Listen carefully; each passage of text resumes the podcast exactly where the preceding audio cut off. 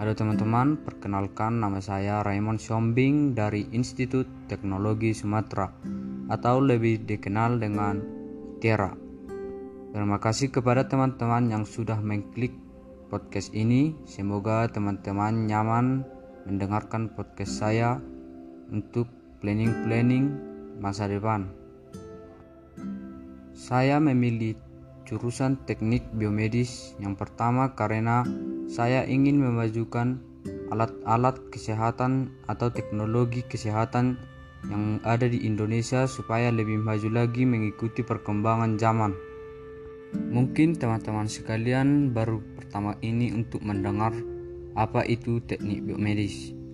Teknik biomedis adalah teknik yang di mana kita akan mempelajari alat-alat kesehatan dengan mencampurkannya dengan teknologi.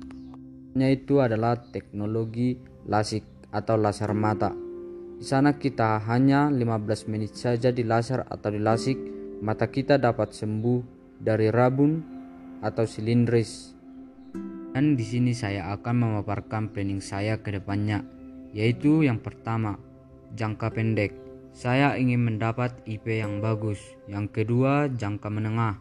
Saya ingin mengikuti lomba nasional dan ingin lulus dengan IPK yang tinggi. Yang ketiga, jangka panjang. Saya ingin membahagiakan orang tua tentunya.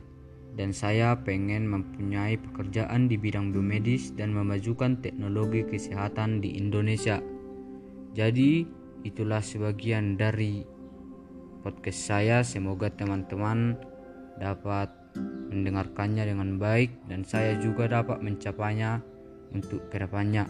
Semoga teman-teman sehat selalu, jaga kesehatan dari pandemi COVID-19. Sekian dan terima kasih.